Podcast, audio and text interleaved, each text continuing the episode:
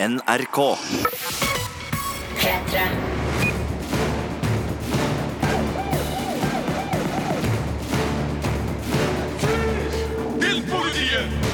Velkommen til en ny podkast fra oss i Filmpolitiet. Og oss er Birger Vestmo. Marte Hedenstad. Og Sigurd Vik. Og vi skal mimre i dagens podkast, Sigurd. Det skal handle om en viss flygehelt. Det skal det. Top Gun 2 er nå i gang med innspillinga, og vi må rett og slett bare mimre litt om eh, første filmen fra 1986. Og du, Marte, skal mimre om en TV-serie som fyller 20 år. Ja, jeg føler meg plutselig gammel, for sex og singelliv er 20 år på onsdag, altså. Det er jo helt sinnssykt, men eh, det er en serie jeg har kost meg mye med, for å si det forsiktig. Men det skal dreie seg om nye ting også, nemlig kinopremierene Adrift med Shailene Woodley og Ben Claflin i hovedrollene, Tully med Charlize Theron i rollen som utslitt trebarnsmor, og den franske animasjonsfilmen Jungelgjengen, samt en ny HBO-serie som heter Succession. Filmpolitiet. Filmpolitiet anmelder film. Nei, nei, this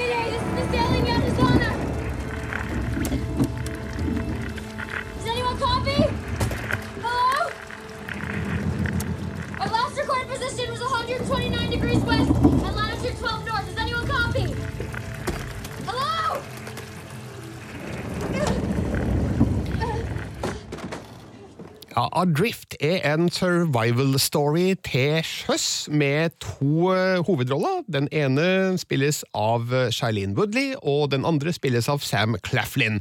Og når det gjelder sistnevnte, så tror jeg eh, du, Marte, skal få lov til å fortelle hva Sam Claflin er mest kjent for. Ja, for I filmen her så hadde han skjegg, og jeg kjente den ikke igjen først, men det er jo han fra Hunger Games, han som spiller Finnick O'Dare. Ja. Og så er det han fra Et helt halvt år, da han som spiller han fyren i rullestol i den filmen. Ja, filmen. Will Trainer heter han vel der. Ja. Mens Shailene Woodley er jo mest kjent for uh, Divergent-filmene og um, The Fault in Our Stars. Og Big Little Lies, fantastisk serie. og The Descendants. Eh, To flinke skuespillere, og de får eh, kjørt seg her, altså. Eh, Historien er basert på en hendelse fra virkeligheten eh, fra 1983, og det handler da om et kjærestepar som eh, er på en seilbåt eh, et sted midt ute i Stillehavet. Eh, Når filmen starter, så skjønner vi at noe forferdelig har skjedd, fordi båten er et eneste stort kaos, og de har åpenbart vært i en sterk storm. Eh, Men filmen fortelles da ikke i kronologisk rekkefølge, så vi får da eh, servert bitvis hva som har skjedd dem. Kryssklippa med forløpet til alt det her, altså hvordan de møttes, hvem de er, og hvorfor de eh, har lagt ut på denne turen. Eh, så vi må liksom smøre oss med tålmodighet da, eh, før vi mot slutten får et bilde av hva som egentlig har skjedd med dem da ute i Stillehavet. Og så er det jo sånn da, at uh, filmer der man umiddelbart forstår hva som står på spill, funker som regel ganske bra, og når man er på en seilbåt som nesten har sunket midt i Stillehavet, så skjønner man at her står det om livet, rett og slett. Uh, og det greier filmen å beskrive på en forholdsvis god måte. Ja, det her er jo før mobiltelefonalderen, vil jeg tro. Hvordan er mulighetene? Altså, er de Ja. i kontakt med noen? Altså, er det spenning liksom, med noen andre, eller er det bare dem og deres eh, eventuelt flaks med elementene som, det, som vil hjelpe oss Det, her? det, er, det er bare dem. Det, det er ikke noe spoiler, det her, men eh, de har jo ikke noen avanserte kommunikasjonsmuligheter uti der. eh, Og eh, de er utafor alle kjente skipsleier, og heller ingen flyruta flyruter rett over der de befinner seg. Så eh, her må det en del eh, flaks til, eh, samt litt eh, smart eh, tenkning. Samt at eh, vi også da får et bilde av eh, forholdet mellom de to, og eh, hvilken rolle det spiller inn da i hele denne situasjonen. Nå er jeg litt kryptisk her, fordi man vil jo ikke avsløre for mye, men eh, jeg, jeg, likte, jeg likte filmen. Jeg liker godt skuespillerne her, både Claflin og ikke minst Woodley mm. som også er en av filmens produsenter, og har jo i de siste åra trådt frem som en av de mer spennende unge skuespillerne i Hollywood. Hun har greid å komme seg ut av eh, skal vi si, tenåringsfilmmyra. Ikke at det er et forferdelig sted å være, men på et eller annet tidspunkt så må man jo bli litt mer voksen også, ettersom åra går. Ja, jeg ser på bildet av uh, Woodley her, som er et ganske uh, sånn røft bilde, der hun står Jeg regner med ikke på dag én, men dag langt uti der. Ja. Uh, og jeg tenker på en film som Into the Wild, som Sean Penn laga med Emil Hirsch i hovedrollen, hvor han blir sendt ut i, eller altså han blir isolert i ødemarka i Alaska.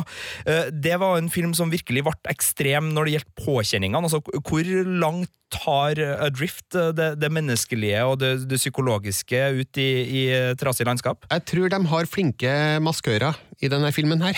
Så de, eh, både, både mm, Claflin og mm, Woodley eh, bærer tydelige tegn på å ha vært i hardt vær, bokstavelig talt. Og kontrastene er jo da store mellom scenene fra eh, båten som nesten synker, til forløpsbildene fra den begynnende kjærligheten og idylliske strandscener. Og vi ser at det tærer på, absolutt. Så det her er en um, survival-film godt regissert av en islending, faktisk. Han heter Balthazar Kormakur, og har jo laga survival-film før, eh, ikke minst um, Everest, eh, som handla jo om en fatal klatreekspedisjon på Mount Everest, og, og Dypet fra 2012, som også handla om et skipsforlis og en manns kamp for å overleve det. Så han er tilbake i et kjent element. og Eh, Jeg syns at um, Adrift eh, har blitt en, en, en god film som kanskje ikke topper andre lignende filmer. Så da jeg så den, så tenkte jeg både på Ang Lees Life of eh, Pi, og, og ikke minst All Is Lost med Robert Redford, som vel Jeg husker ikke om den gikk på kino i Norge, men jeg så den på Blu-ray og ble imponert over den filmen. Da handla også om en eh, mann som var alene, da langt til havs og i, i sterk nød. Mm, det var en sann historie, var det ikke det? Eh, også en sann historie. Ja. Eh, og Adrift, som sagt, basert på virkelige hendelser, Mm. og eh, det gjør inntrykk når du etter hvert eh, får se virkelige bilder fra, um, av de personene som var involvert her. Så um, Adrift, dramatisk havsnød fra virkeligheten, og fortjener følgende karakter. Terningkast fire.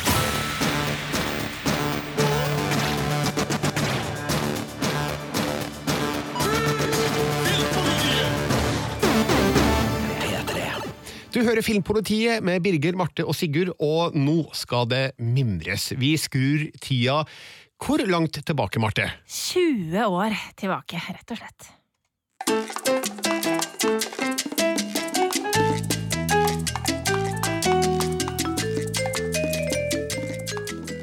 For hva er det vi hører her, og som får Marte Hedenstad til å danse i studio? Det her er jo selvfølgelig kjenningsmelodien til Sex and the City, sex og singelliv. For på onsdag 6. juni er det altså 20 år siden den første sex og singelliv-episoden gikk på TV. Helt crazy. Det- Altså, ja, eh, Som er vi var inne på tidligere i sendinga, så eh, har noen i dette studioet ikke sett en eneste episode. Nei, altså, eh, Du har ikke sett noen. Har du sett noen, Sigurd? Jeg har sett ganske mye, og jeg har også gitt min mor den her eh, berømte skoeska har ja. i julegave. Det er Eh, Så sammen med min mor og min søster så har vi sittet og sett en del eh, Jeg må ærlig innrømme må at si, jeg har ikke sett Litt rar julegave til mor. Jeg kjenner, det, det hadde, altså, Vår familiedynamikk har ikke du noe med, Marte. Det, er- det, det, Eh, Jeg skal uh, si da at jeg har jo switcha innom, da, Ja. og kommet liksom midt i en episode og sett et minutt her og et minutt der, og tenkt at ja, men det her ser jo ikke så verst ut, men siden jeg har gått glipp av starten, så har jeg bare switcha videre. Men Birger Vestmo, NRKs filmanmelder i en årrekke. Man kunne kanskje si ja, I eh, 20 år. ja, ikke sant? Eh, det har jo vært filmer også. Har ikke du sett Sex og singelliv-filmer? Det er jo det at siden jeg ikke har hatt noe forhold til eh, serien, så har andre fått oppdraget med å se filmene. Eksempel Marte Hedenstad. Ja, ja. La oss ikke snakke om Sex eh, and the City The Movie 2, det var helt krise. Men serien er jo en kjempeserie, eh, og det er jo en serie som ikke bare har på en måte betydd mye for folk, og spesielt jenter, da, som på en måte har kunnet kjenne seg igjen i enten Carrie, Miranda, Samantha eller Charlotte, for alle er jo liksom én, eller kan kjenne seg igjen i noen deler av de forskjellige personlighetene. Men det var jo en serie som, eh, som ble veldig viktig for hvordan vi snakker om sex på, eh, og som på en måte normaliserte det at jenter også kunne snakke om sex og hele den greia der. Så det har jo vært en sånn veldig viktig serie for min generasjon, i hvert fall. da. Eh, Så jeg kjenner jeg blir litt sånn rørt av å snakke om Sex in the City, og jeg har sett denne serien altså så mange ganger. Ja, eh, fortell, hvor mange ganger har du sett Sex og singelliv? Altså sånn, jeg tror jeg har sånn satt meg ned og sett den sånn fra A til Å tre ganger. Eh, men så har jeg sett altså, så mange episoder som har gått sånne reruns på TV3 et utall ganger. Jeg har ikke peiling. Og så har jeg også sett da alle episodene med bare Mr. Big. Fordi det er jo selvfølgelig kjærlighetsdrama i, i sex og singelliv. Og, og Carrie har på en måte to sånne hovedmenn som hun, som hun uh, holder på i løpet av eh, sesongen, og det er Aiden og det er Ja. Mr. Big. Så det er totalt 94 episoder i Sex og singelliv. Mm. Du har sett eh, hele serien tre ganger, samt uh, episoder enkeltvis her og der, så Ja. du har kanskje sett 500 episoder? Ja, sikkert. Altså, jeg har ikke tall på hvor mange ganger jeg har eh, sånn, kommet hjem eh, på kvelden, og så plutselig så går det dobbeltepisode på TV3 med sex og singler, og da må man jo se på det.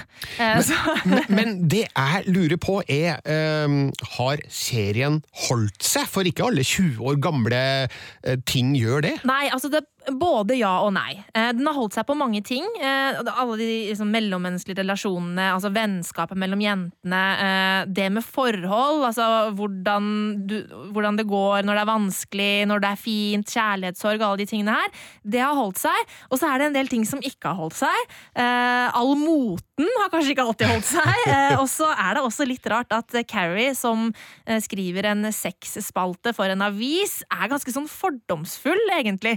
Eh, Og har for eksempel veldig vanskeligheter med å tro på at eh, bifili eksisterer, for eksempel. Hun kaller det 'It's just a gateway to gaytown', eller et eller annet sånt. Sånn at eh, hun okay. er ganske sånn fordomsfull og trangsynt på noen ting. Sånn som eh, sett med dagens øyne ville vi fått litt sånn 'oi sann, det der var kanskje ikke helt uh, riktig å si'.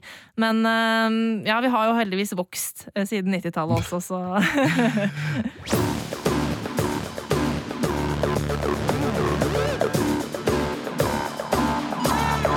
P3. Du Marte sa jo under låta her at eh, nå skal du se hele serien om igjen. Ja, for, for- fjerde gang! Ja, altså, eh, nå som jeg har drevet og lett etter litt sånn klipp og sett meg opp på litt sånn episoder som jeg husker godt, og sånn, så må jeg bare sånn, herregud, nå må jeg se alt igjen.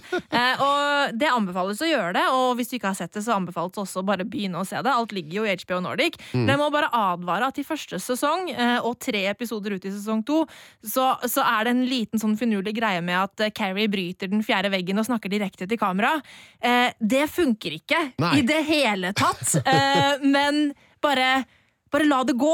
Eh, bare kom over det, og så, så slutter de med det snart. Så, Ja, ok. Det er sånn som klokka i 24 som de bare kutta ut. Ja, ikke sant? Ja. Så det er noen sånne små grep som ikke helt funka, men alt det andre funker jo. Du har plukka ut tre sekvenser fra Sex og singelliv som Ja. du har som eh, store favoritter. Ja, altså Det er litt sånn personlige øyeblikk som jeg husker godt. da. Eh, og mm, det som er med sex og singelliv, er at eh, vi har kjærligheten, vi har vennskapet, og så har vi jo selvfølgelig sexen. Eh, og hun som jo er på en måte mest utpå der og får kjørt seg mest, bokstavelig talt, sorry, eh, det er jo Samantha, og hun er veldig frigjort.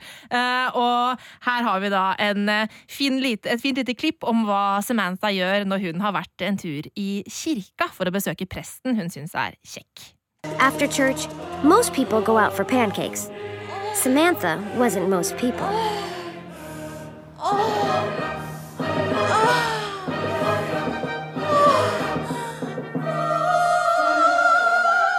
Samantha, your face is glowing. Did you get a facial or something? I masturbated all afternoon. All right then. Seriously? All afternoon? Well, two, two and a half hours. Who's got that kind of time? I like to get in and get out. Well, I enjoy a quickie every now and then, too, but when it's good like today, I go with it. I masturbated to my priest. Your priest? Friar Fuck.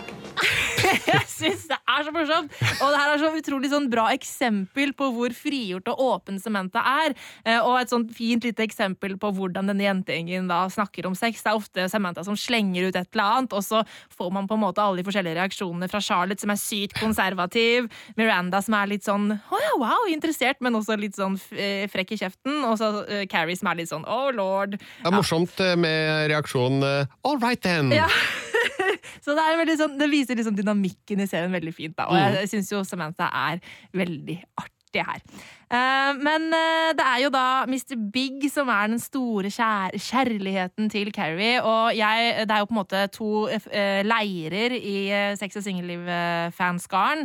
Enten så heier du på Aiden, eller så heier du på Mr. Big. Og jeg heier på Mr. Big.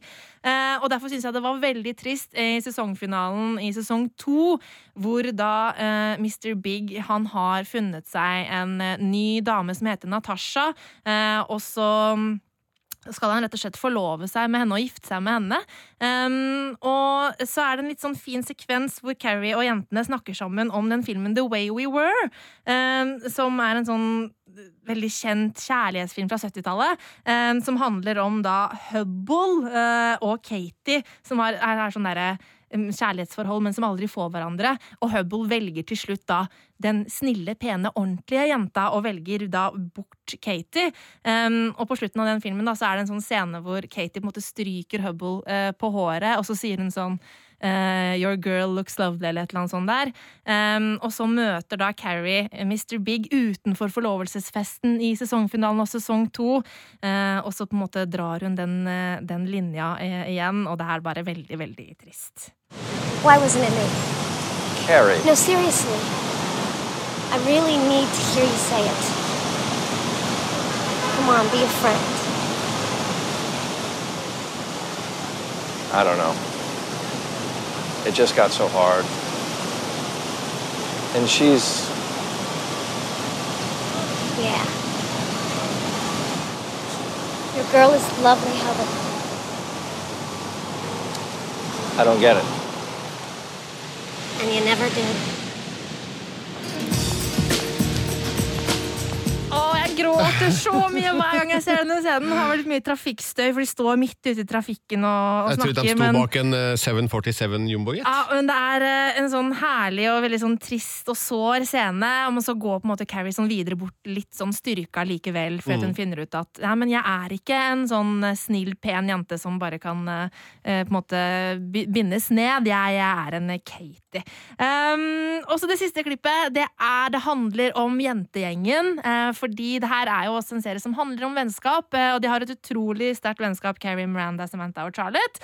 Um, og så er det en scene hvor um, Carrie har vært alene på bursdagen sin uh, og kjenner på at Herregud, jeg har jo ingen soulmate. Jeg har ingen mann som kan ta vare på meg, og det er veldig trist. Og da kommer Charlotte med det her. Don't laugh at me, but maybe we could be each other's soulmates. And then we could let men be just these great, nice guys to have fun with. Well, that sounds like a plan. I'm 35. 35 is not 25. Thank God. I'm 35. Oh, shut the fuck up. I'm 140. Og det her er en så nydelig scene, og selv om det er litt sånn klissete sånn Maybe we should be each other's soulmates, så er det bare uh, i den settingen som den uh, replikken kommer, så er det en sånn veldig nydelig scene, da, og så blir man veldig sånn rørt og bare tenker sånn Åh, tenk å ha sånne gode venner. Takk for dine favorittsekvenser fra Sex og singelliv, Marte. Til uka så fyller serien altså da 20 år, og alle 94 episodene kan du se på HBO Nordic. Og så kan du glemme at det fins filmer også etter serien.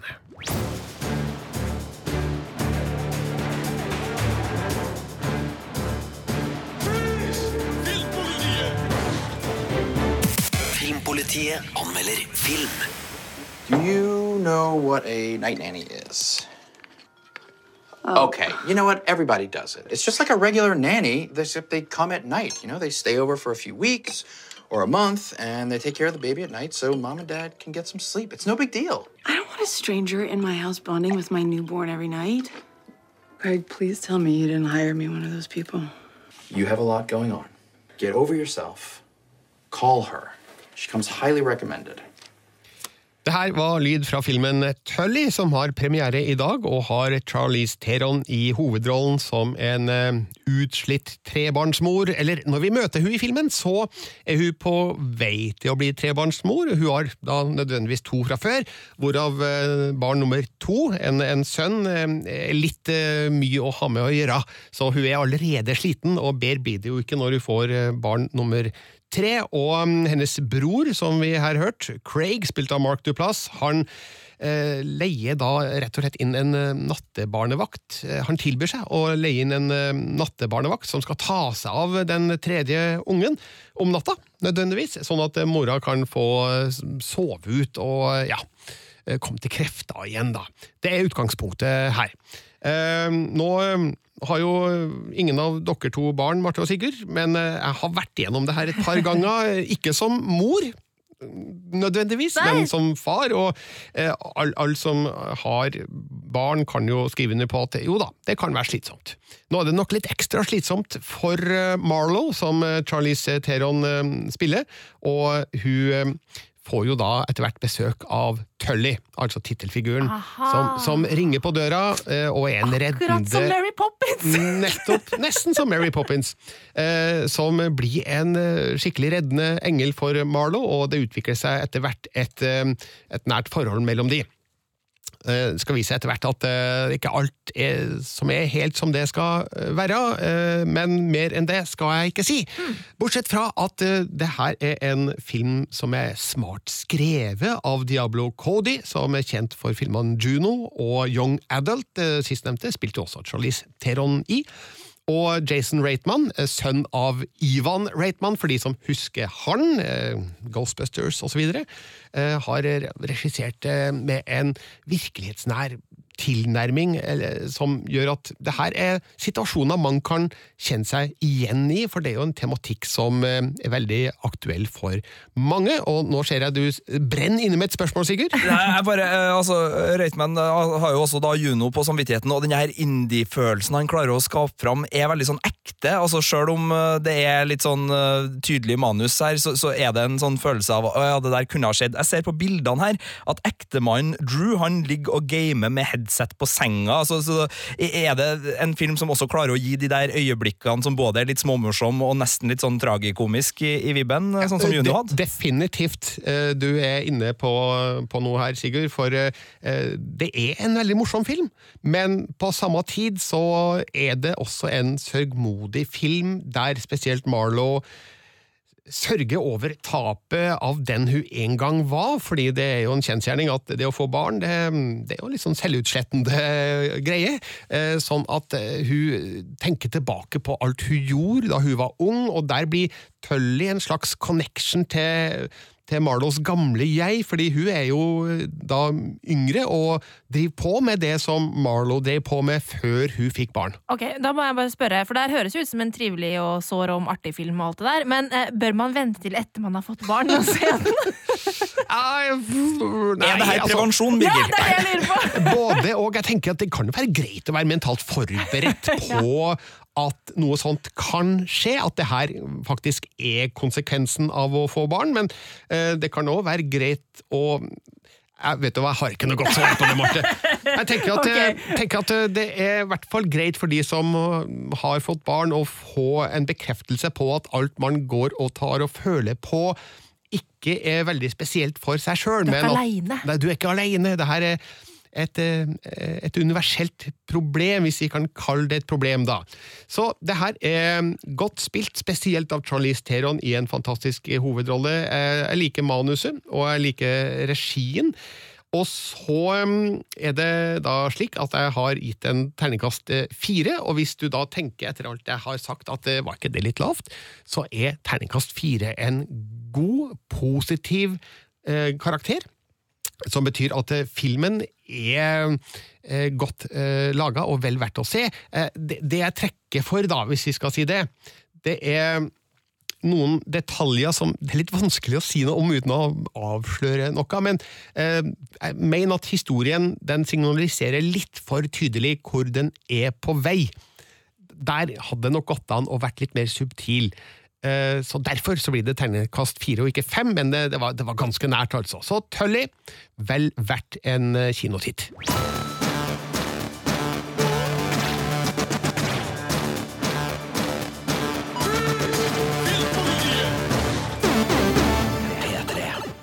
Filmpolitiet anmelder film. Når jungelen må bli reddet. går er den verste fienden Er ingen som er bedre til det enn tigerpingvinen Maurits? Plikten kaller på oss! Og jungelgjengen. Jungelgjengen Det her var altså lyd fra Jungelgjengen, som er en ny kinofilm basert på en TV-serie som også går på NRK Super. Ikke noe kjennskap til den, men jeg føler at jeg har sett denne filmen før, før, fordi søte dyr i jungelen går igjen i animasjonsspekteret. Madagaskar, for eksempel, er jo en Løvenes konge, eh, kanskje? Jungeldyret Hugo, Ja. Ja, det er et par. Ja. Ja, og og når, når du ser Jungelgjengen, så er det mange figurer her som du nok eh, drar litt kjensel på fra andre filmer. Altså, de har en pingvin, de har en tiger, en morsom ape, de har eh, noen frosker, og i, i det hele tatt flere figurer som har gjort suksess i andre filmer, og som da eh, gjør at eh, publikum kanskje umiddelbart eh, får en slags connection til figurene, fordi man har en følelse av at det her er gamle kjente. Men det er bare tigeren som overlapper med Jungelboken. Altså, de har ikke rippa den fullt og helt, i hvert fall. Altså, jeg syns at den eh, apen ligner litt på apen i Tarzan. Syns jeg. Det ligner vel stort sett på apa du ser på film, så det er vel en grunn til det. Eh, Det er jo jeg som har sett denne filmen, og eh, den er faktisk eh, ganske ålreit. Den er ikke nyskapende og banebrytende, og den lener seg ganske mye på andre suksessoppskrifter, men eh, det blir et ålreit resultat ut av det som slett ikke er det verste man kan utsette ungene for. Og da er det viktig å påpeke her at det her er nok først og fremst for ungene, fordi Jungelgjengen mangler den her Pixar- og Dreamworks-humoren som kanskje treffer voksne på en annen måte enn barna. Det, det får du ikke så mye av i Jungelgjengen, så her er det stort sett fart og moro for de yngste, men det er nå heldigvis av god kvalitet. Bare for å si kort hva den handler om. Det handler jo da om eh, dyr i skogen eh, som eh, beskytter jungelen mot eh, diverse truende farer, men her er det da en slem koalabjørn som heter Igor, som av eh, grunner det skal snart eh, bli forklart, eh, vil brenne hele skiten. Han har utvikla en sånn eh, noen som smeller høyt og fargerikt, og han vil brenne rubb og stubb av eh, jungelen og alt livet som bor der, og det må jo da jungelgjengen, som de kaller seg, prøve å forhindre. Så langt Avengers-plottet, altså han er Thanos som mener at han må liksom svi av alt for at en ny og bedre verden skal vokse opp, eller har han andre motiver? Herregud, det tenkte ikke jeg på da jeg så filmen. Kanskje det rett og slett er eh, det de har eh, kuppa her? Ja, det er mulig.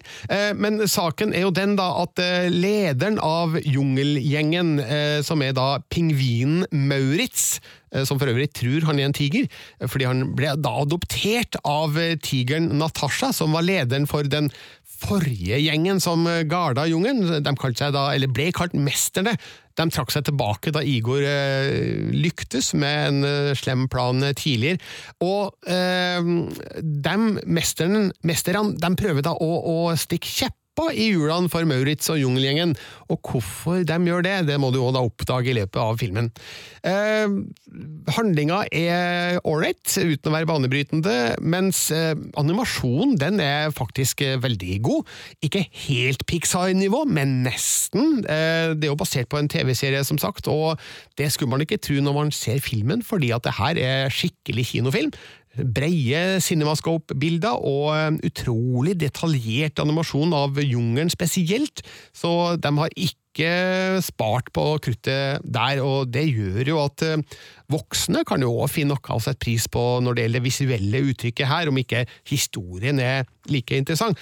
Men eh, de har jobba hardt for å få det her til å bli så pent som mulig, og nei, jeg syns at det er ålreit å legge merke til at de har lagt så mye arbeid ned i det.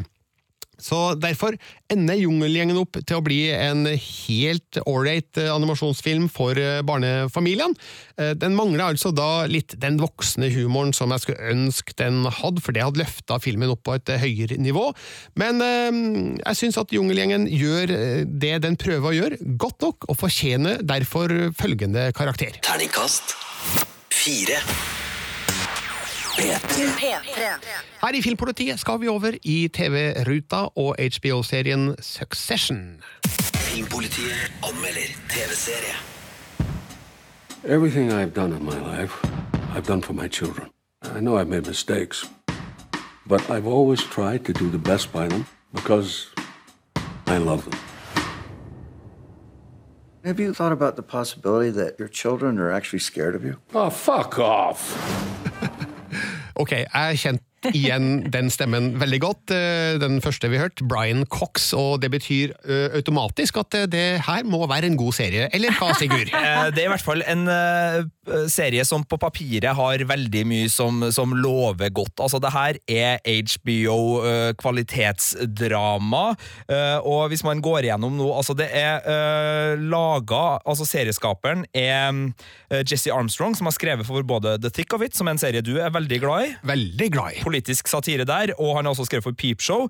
Eh, Det er Will Ferrell, komikeren, som er medprodusent, og det er Adam McKay, altså mannen som har regissert blant annet Anchorman, filmen om Ron Burgundy, og masse andre Will Ferrell-filmer, som har regi på piloten. Så på papiret så er Succession en, eh, en, en stødig, stødig sak. Ja, Da er vi klar med avrunding, da, eller? Ja, vi kan jo se litt på det. Altså, eh, det som er kult med den, er at det er en ganske sjangerfrisk serie. Den, det er et mediemogul familiedrama som foregår i New York, og handler om da eh, Roy eh, Logan, eller Logan Roy er det Roy etternavnet her, eh, det glemmer jeg støtt og stadig, men da så spilles av Brian Cox, en sånn litt sånn Rupert Murdoch-skikkelse som er i ferd av sviktende helse med om å gi fra seg litt av makta i familiens enorme mediebedrift. Så er det alle de der rasshølene av unger han har, da, som driver og kjemper om makta.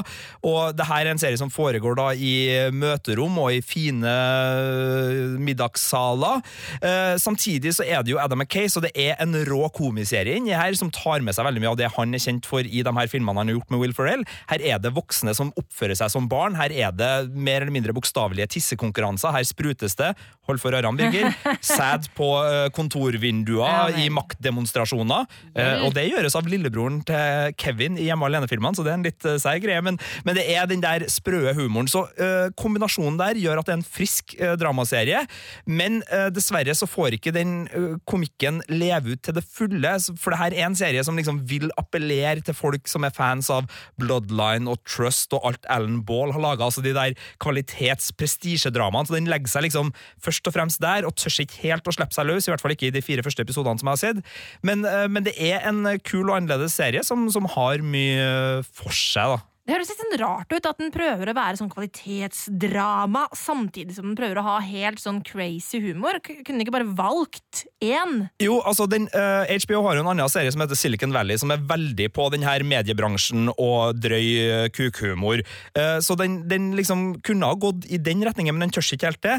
Eh, og så er det også noe med at eh, de store plottlinjene her er ganske både såpeserieaktige og veldig sånn tradisjonelle, så du blir ikke overraska av dem. Så den burde ha dratt på mye mer, syns jeg, hvis den virkelig skulle ha uh, havna i, i toppsjiktet av HBO-dramaserier. Du har sett fire av ti episoder. Har du tro på at det kan ta seg opp eh, litt mer? Jeg er liksom ikke hekta på den familien her, da, men uh, samtidig, det, uh, humoren har tatt seg opp episode for episode. Det starta litt sånn kjedelig, og så blir det bedre og bedre med drøyere og drøyere ting, så jeg skal gi den et par episoder til. Det går hver mandag på HBO Nordic der, begynner nå mandag fjerde, men, men jeg, jeg, jeg frykter at jeg kanskje ramler av den her, altså. Sjøl om det er bra kvalitet. Terningkast fire. P3. P3. I studio i dag, Birger Vestmo. Marte Hedenstad. Sigurd Vik. Og nå skal vi inn i eh, spillverdenen, stort sett. For hva skjer eh, i spillverdenen som er verdt å ta med seg denne uka? Ja, det handler jo om eh, Pokémon. Det er jo en elsket spillserie av mange som i årevis har holdt seg til Nintendos håndholdte konsoller. Eh, og det gjør den jo fortsatt. Eh, nå har det da eh, blitt klart at det kommer flere Pokémon-spill i år. Det er allerede et Pokémon-spill som har kommet til Nintendo Switch, som er ute nå, som heter Pokémon Quest. Som er et sånt eh, gratisspill, eller free to start, som det heter. så det blir vel å betale noe etter hvert. Nemlig. Eh, Det er en liten sånn spin-off-greie, men eh, det kommer eh, to eh, større Pokémon-spill seinere i år. eh, Og det er jo da selvfølgelig noe internett jubler over. Eh, Det er spill som fortsatt ikke er i liksom hovedserien til Pokémon, for det kommer enda et sånt stort hoved-Pokémon-spill til Nintendo Switch neste år igjen. Men Let's Go Pikachu og Let's Go Eevee, eh, det er spill som bygger på eh, altså Pokémon Yellow-generasjonen, hvor du da har med deg da, Den gangen hadde du med deg da Pikachu utenfor Pokémon-ballen mens du går rundt i spillet. Eh, og i disse to spillene her da, så skal man da kunne ha med seg Pikachu eller Eevee. Um, og jeg kjenner at eh, jeg gleder meg litt til det her. Eh, og så er det jo sånn at eh, det skal også være kobla opp mot Pokémon Go. sånn at det skal være litt sånn muligheter for å utveksle litt Pokémons der. Så jeg syns det er veldig morsomt. Har dere noe forhold til Pokémon på spillfronten? Ungene mine har det. De spilte jo Pokémon Go, så det sang etter de første par ukene, og så har de slutta med det. Ja. Hva med deg? Eh, Bitte lite grann Pokémon Go, Ja. minimalt. Men hva med TV-serien, dere? Nja Fanger alle nå? Hæ? Ja. ja. Jeg var, jeg var for gammel allerede Å, da. gud, jeg elska det. Så jeg gleder meg, jeg gleder meg mye til eh, Jeg tror jeg skal gå for Let's Go Eevee, ja, da, for det er jo to forskjellige spill her. Et annet gammelt spill som skal aktualiseres igjen, er Sonic the Hedgehog. For nå skal det bli en film av det, Sigurd? Eh, Det er godt mulig det blir film av det, og det er godt mulig at Westworld-fans eh, og eh, Sega-fans kan rejoice and clap their hands, fordi James Marston, mannen som spiller Teddy nå på Westworld-skjermen, den gode cowboyen der, han er set to star in Uh, a Hedgehog-movie. Og uh, Det er jo kult, men, men sånn for å skjønne spillet, Marte, der må du uh, gi oss litt jeg, mer bakgrunnsinfo. jeg hadde aldri Sega sjøl, men jeg hadde en venninne som hadde det. Og da spilte vi veldig mye Sonic the Hedgehog, plattformspill, en blå uh, pinnsvin som kan uh, løpe veldig veldig, veldig fort, rulle seg sammen og være superrask og fanger ringer av gull. Hvordan dette skal bli en film, er jeg litt usikker på! Det det, blanding, blanding av live action og animasjon, står det her, Ja. så da har de i hvert fall dekt alle Ja. basene. Og um, og så er er det jo en sånn en bad guy, Dr. Robotnik, som er liksom slemmingen her. Men uh, jeg veit jo ikke om filmen skal på en måte ta utgangspunkt i handlingen i spillene. For det er jo ikke, altså strengt talt ikke så fryktelig mye Ja. handling i disse spillene. Men eh, ja. Vi vet vel heller ikke om James Marston skal liksom være stemmen til Sonic, Nei, eller spille en helt det. annen figur, så det blir spennende å se. Men det vi vet er at uh, Tim Miller, som uh, regisserte Deadpool, skal være med som produsent, og da tenker jeg at det er noen kreative galskapshender involvert her, i hvert fall, som uh, gjør at det lover ganske bra. Filmpolitiet. Hey, Maverick. Yeah. Hear about ice? What's that? You want another one? Really? I feel the need, the need for speed. Ow! Det er over 30 år siden Top Gun kom på kino og starta for alvor Tom Cruise sin karriere, som jo lever i beste velgående. Men eh, nå skal han tilbake i jagerflydrakta, for hva skjedde i går, Sigurd? Da kom det plutselig, og jeg var på morgenstellet da jeg så på Twitteren min at Tom Cruise har posta et bilde der det står at produksjonen av Top Gun nummer to er i gang. Og det var et ganske kult bilde, Birger. Ja, altså han eh, sitter på en motorsykkel med jagerflydrakta si, og så står det da 'Feel the Need', som jo eh, peker tilbake på det sitatet vi nettopp hørte da i, i lydklippet. Top Gun Maverick eh, skal være tittelen på filmen, men bortsett fra det så vet vi utrolig lite om filmen. Ja, Vi vet at Jerry Bruckheimer skal være produsent. Eh, og at Tom Cruise skal ha hovedrollen. Og så er det jo ryktes at, uh, at det skal handle om at han kommer tilbake som lærer. Mm. Ja, det, det er rykte. Det er, stort sett, Det er det stort sett det vi vet. Eh, Manuset er skrevet av Peter Craig, Justin Marks og Eric Warren Singer. Og så vet vi at Joseph Kosinski, mannen bak Tron Legacy og Oblivion, som Cruise også spilte i, han er visstnok regissør. Jeg har ikke sett det bekrefta, men det er det navnet som har versert, da. Eh, og så um, vet vi ingenting om hvem andre som er med foran kamera, bortsett fra Tom Cruise sjøl. Ja, altså, eh, men det er vel greit å tro i hvert fall at Val Kilmer ikke kommer til å dukke opp som Iceman, eh, hvis vi på en måte baserer det på hans opptreden i Snømannen. Ja, Han har hatt en, en eh, talefeil, eh, Val Kilmer, den siste tida. Vært litt redusert, så, så han er vel dubba i den Han filmen, er rett og slett. dubba i Ja. Snømannen, faktisk. Han har vært veldig syk. Ja. Også, jeg ja. ja, Jeg drister meg til å påstå at det kommer til å handle om fly, da. Det kommer nok til å handle om fly. Eh, Det kommer også handle, til å handle om musikken til Harold Faltermeyer, som vi hører i bakgrunnen her. Og, eh, Faltermeyer var en stor instrumentalstjerne på 1980-tallet, og så har jeg vel ikke hørt så mye fra han de siste 25-30 åra, men han skal visstnok eh, være med i eh, soundtracket til Top Gun Maverick også, hva nå det enn blir for noe. Eh, Men det er i hvert fall en gyllen anledning til å mimre tilbake til den originale Top Gun. La oss høre hvordan det hørtes ut da eh, Tom Cruise og Anthony Edwards ble introdusert som eh, flyger-Essan Maverick og Goose i et eh, Tomcat-jagerfly på tokt i eh, Indiahavet, som plutselig blir eh, et skarpt eh, oppdrag. Who's up there? Cougar and Merlin and Maverick and Goose? Great. Maverick and Goose. Talk to me, Goose. Roger, I got him. Contact 20 left at 30 miles, 900 knots closure. Cougar, you hear that? Roger. Merlin, you got him? Roger, I've got radar contact. I'll get a visual ID, Cougar. You hook him. Roger, and I'll clean him and fry him. Ja, og jeg er jo så gammel at jeg så jo Top Gun på kino da den kom, og som alle andre gutter på min alder, eh, så ble jeg helt bergtatt av eh, Top Gun, av eh, flyene, av figurene, av bildene, av musikken. Det er jo en film av sin tid, altså på rundt midten av 1980-tallet. Eh, Men eh, til og med i dag syns jeg filmen holder seg veldig godt, altså. Eh, Lydene, eh, klippinga, det er høy kvalitet over det. Du blir ikke provosert over at det egentlig bare er en slags glorifisert reklamefilm for den amerikanske flyvåpenet? da, Altså, Vestmo? jeg skjønte jo ikke det den gangen, det har jeg jo skjønt i ettertid, fordi eh, rekrutteringa til det amerikanske flyvåpenet skjøt jo i været i kjølvannet av Top Gun. Eh, jeg har jo en, eh, en gammel kamerat som ble jagerflyger, eh, litt på grunn av eh, Top Gun. Han var sannsynligvis på den samme forestillinga som jeg var på. Eh, så det er en eh, film som har satt sine spor, og eh, når man eh, ser den med 2018-øyne, så er det jo lett å forstå at den slo an da, fordi eh, fortellerteknikken er like sprek og frisk nå eh, som den var da, eller eh, omvendt kanskje. Eh, regissert av Tony Scott, Ridley Scotts bror, som dessverre ikke er med oss eh, lenger, men eh, her er et klipp fra en, et treningsoppdrag mellom Maverick på den ene sida og læreren Viper på den andre, som er bare Det, det er så blodig tøft å høre på, så tenk på hvor kult det er å se det! Goose, there's Viper. Three o'clock low.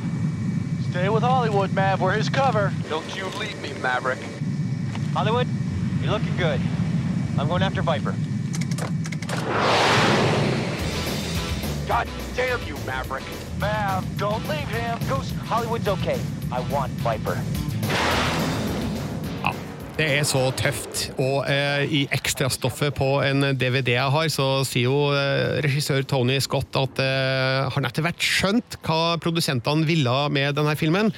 De ville ha rock and roll in the sky, og det er det Top Gun er. Så får vi se da om Top Gun Maverick blir omtrent det samme når den kommer på kino en gang i løpet av neste år. Men det spørs om den har like kul musikk. Jeg vet ikke.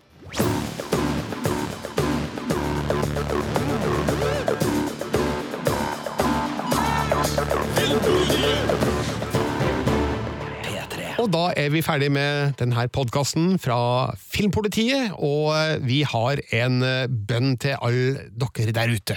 Ja, Hvis dere har ris eller ros, så kan dere sende det til oss på e-post. Vi er på filmpolitiet alfakrøll.nrk.no, eller kanskje enda bedre, for oss i hvert fall, du kan eh, gi din kommentar der du hører på denne podkasten, og kanskje slenge med en liten rating også, så får vi spredd filmen og spillet og seriens glade budskap til så mange som mulig der ute. Ja, og husk at hvis du også er en Westworld-fan, så har vi jo Westworld-podden i tillegg, som også fins der du laster ned dine podkaster. Så sjekk det ut, og vi tar gjerne imot spørsmål og fanteorier på filmpolitiet at nrk.no. Ja, og med mindre Birger Vestmo blir spist av en Tyrannosaurus rex eh, neste uke, så er du tilbake i front her med anmeldelsen av hva for noe, Birger? Jurassic World Fallen Kingdom, som har premiere neste uke, den skal anmeldes i huet og ræva i neste podkast og radiosending fra oss i Filmpolitiet.